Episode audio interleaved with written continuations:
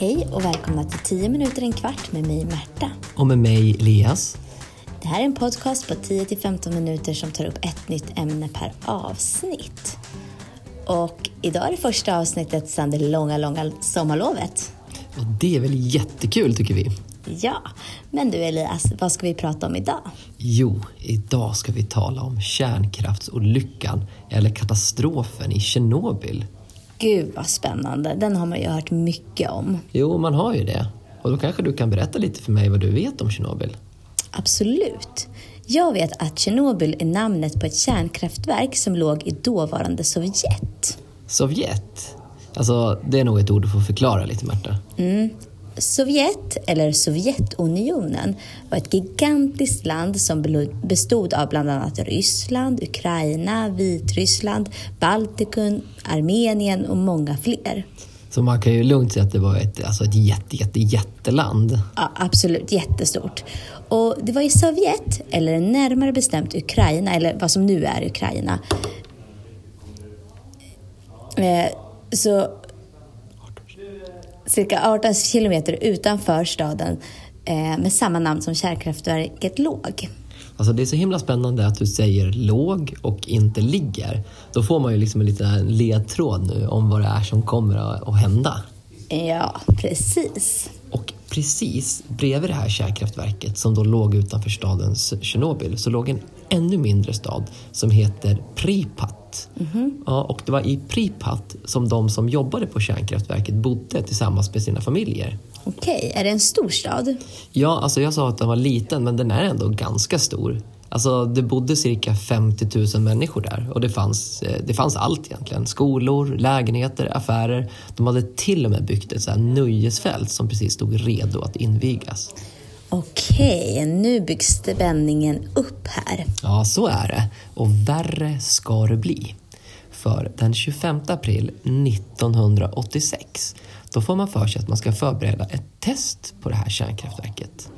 Eh, och det gjorde man för att man ville kunna kolla eller kontrollera att man kunde kyla ner reaktorn även om man fick ett strömavbrott i hela staden. Vad är en reaktor för någonting? Det var en väldigt bra fråga det. Eh, jag ska verkligen försöka förklara, men det är ganska avancerat. Kör. Ja, jag försöker hålla det så enkelt som jag bara kan. I en kärnreaktor, där finns det vatten. Och genom att använda uran så värmer man upp vattnet så att det börjar koka. Och när vatten kokas, då bildas ju vattenånga. Och den här vattenångan, det får en turbin, det är som en propeller ungefär, att snurra. Och när den snurrar, då skapas det energi, alltså rörelseenergi. Och den här rörelseenergin, den kan man sedan omvandla till el. Det här var bra förklarat tycker jag. Så de skulle göra ett test för att se om de kunde kyla ner reaktorn även om det var ett strömavbrott. Ja, exakt. Precis det skulle de göra. Och för att lyckas göra det så var man tvungen att stänga ner några delar utav reaktorn. Eh, och det här gör man på kvällen för att då används det mindre ström i det här Pripat närliggande samhället. Men det visar sig ganska snart att en kombination utav att reaktorn är felkonstruerad och den mänskliga faktorn gör att man helt tappar kontrollen över det här testet. Oj, det här, det här händer det något dåligt kan man förstå. Ja, det här går verkligen inte bra. Så istället för att sänka värmen, som var tanken att man skulle liksom, var det man skulle göra, så lyckas man öka den med över hundra gånger så mycket på bara fyra sekunder. Och det betyder ju att allt vatten som finns i reaktorn, det blir till ånga jättesnabbt och bara liksom pyser iväg direkt och istället så börjar själva reaktorn att smälta. Aj då. Ja, aj då är nästan lite av en underdrift faktiskt. Eh, och medan den här smälter så börjar det också explodera. Och först sker det några mindre smällar och det följs av en enorm jättesmäll. Hela taket sprängs iväg och hög radioaktiv strålning sprutas ut tusentals meter rakt upp i atmosfären. Det här förstår man är en katastrof. Ja, det är en ordentlig katastrof. Men redan efter fyra minuter så dyker faktiskt de första brandmännen upp. Men tyvärr så är de bara 14 stycken och det dröjer en hel halvtimme till innan fler brandmän är på plats. Men de här brandmännen, de jobbar verkligen på. och kämpar och sliter. Så efter några timmar då har de faktiskt lyckats släcka alla bränder utanför reaktorn. Men tyvärr så brinner det fortfarande inne i reaktorn och det är inte bra. Och tyvärr så är det redan två stycken brandmän som har dött i det här arbetet. Och herregud, känns inte bra det här. Nej, och tyvärr så kommer det bli ännu värre. För grafit, det är det material man använder för att skydda reaktorn så att det inte ska liksom smälta eller något sånt där. Den har nu börjat smälta för att det är så varmt. Och inuti reaktorn finns det ett ämne som heter uran. Eh, och det är oskyddat nu när grafiten har smält. Och det här uranet det gör så att det strålar ut radioaktiv strålning som är värre än tusen atombomber som bara strålar ut ur reaktorn. Oh, det låter helt sjukt.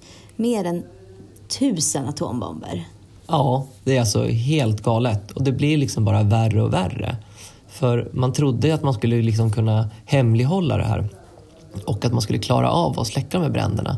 Så man började inte evakuera den här staten Pripat förrän efter en och en halv dag. Eh, så att de, många fick bo här liksom, i den här strålningen i en och en halv dag. Och när man väl började evakuera dem, då sa man till dem att eh, de bara skulle vara borta i någon dag så att de inte behövde ta med sig mer än det viktigaste. Ja, och evakuera det är att flytta bort människorna från den här staden för att det var farligt runt omkring, eller hur? Ja, exakt. Ehm, men varför börjar man inte direkt? Ja, det är en väldigt, väldigt bra fråga. Man ville liksom inte sprida ut att något hade hänt. Man tyckte att det var lite skämmigt. Att det var liksom lite... Man fick dåligt rykte inför resten av världen om man inte kunde bygga kärnkraftverk som, som höll och som fungerade. Ja, men det är ju skämmigt, så det kan jag förstå. Men det är ju ännu mer skämmigt att inte informera så här i efterhand. Ja, det blir ju helt galet liksom. Mm. För visst var det så att det var i Sverige man upptäckte det? Ja, hur visste du det? Jo, men min pappa har sommarstuga nära ett av de här svenska kärnkraftverken som heter Forsmark. Och det ligger en bit utanför Uppsala. Och han berättade att varje gång som man går in och ut från jobbet, om man jobbar där, så blir de liksom scannade för att se om de har blivit utsatta för någon radioaktiv strålning. Och så en morgon när de kom till jobbet, gissa vilket år? Eh, 1986. Ja, då blev det stora utslag. Och han sa att de först blev superoroliga för att något hade gått fel på, på de svenska kärnkraftverket, kanske här på Forsmark. Och de körde alla tester de kunde, men de kunde inte hitta något fel. Och då förstod de att det här måste komma från ett annat håll. Så att då var det vi i Sverige som upptäckte det här först faktiskt. Det där är egentligen helt sjukt. Men vad bra att de har så bra säkerhet på Forsmark och i Sverige. Mm. Och vet du Märta, att de som blev evakuerade från de här städerna, Pripat och från Tjernobyl, de har fortfarande inte fått flytta tillbaka. Ja, det har jag hört. Ja. ja, det är som en spökstad där idag. Det finns skolor och lägenheter och de är helt övergivna. Så man får liksom inte heller vistas där någon längre stund på grund av strålningen. Så staden är till och med så pass övergiven att naturen har liksom börjat återerövra, återerövra den här staden. Det finns massor av djur där nu för tiden. Det finns till och med vilda hästar som springer omkring. Just det, det är ju ändå imponerande att det finns vilda hästar. Ja, men det är ganska coolt. Men även vi i Sverige drabbades. För en del av den här radioaktiva strålningen som vi pratade om, den åkte ju upp i luften i atmosfären. Och det blåste sedan västerut mot Sverige. Och när den var precis över kusten i Gävletrakten ungefär, då började det regna. Så i flera år har man faktiskt inte fått äta blåbär och svamp som är plockad i Gävletrakten. Det är lite läskigt tycker jag. Ja, faktiskt. Men visst är det så att man kan åka och besöka det här, den här staden och kärnkraftverket som turist nu för tiden? Ja, men det kan man faktiskt. Det går organiserade resor dit. För man kan vara där inne ett litet tag. Mhm. Undrar om man skulle våga det? Ja, det låter väldigt skrämmande. Mm. Men, ehm, ja, ska vi sätta punkt här eller vad säger du? Ja, men det tycker jag. Och vi som har gjort den här podden heter Elias och Märta. Och den är gjord i samarbete med vikarielärare. Till den här podden så finns det jättemycket material som du kan använda innan, under och efter du lyssnar på podden.